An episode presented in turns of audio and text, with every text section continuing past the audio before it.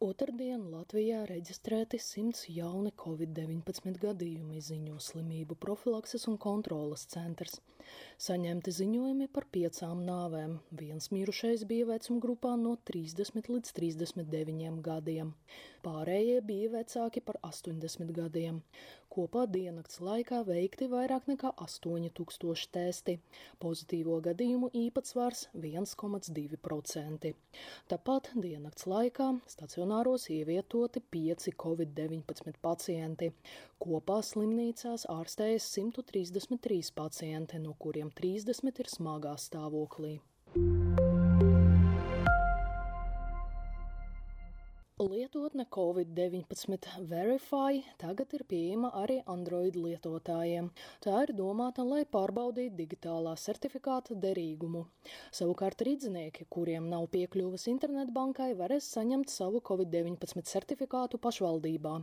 Ar darbinieku atbalstu certifikātu var izdrukāt apkaimju iedzīvotāju centros, sociālajā dienestā un citās iestādēs.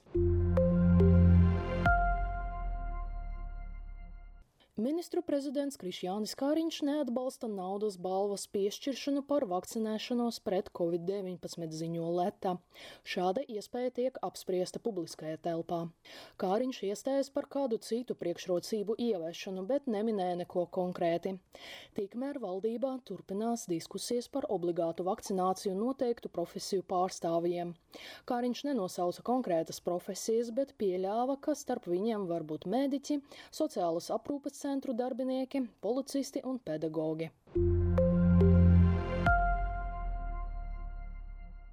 Eiropas parlamenta deputāti piedāvā ievest vienotus pandēmijas ierobežojumus Eiropas Savienības valstīs.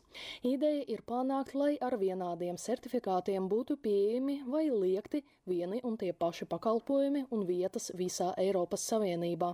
Tas ļautu izvairīties no situācijas, kad vienas Eiropas valsts vakcinētiem iedzīvotājiem jādodas pašizolācijā citā Eiropas valstī.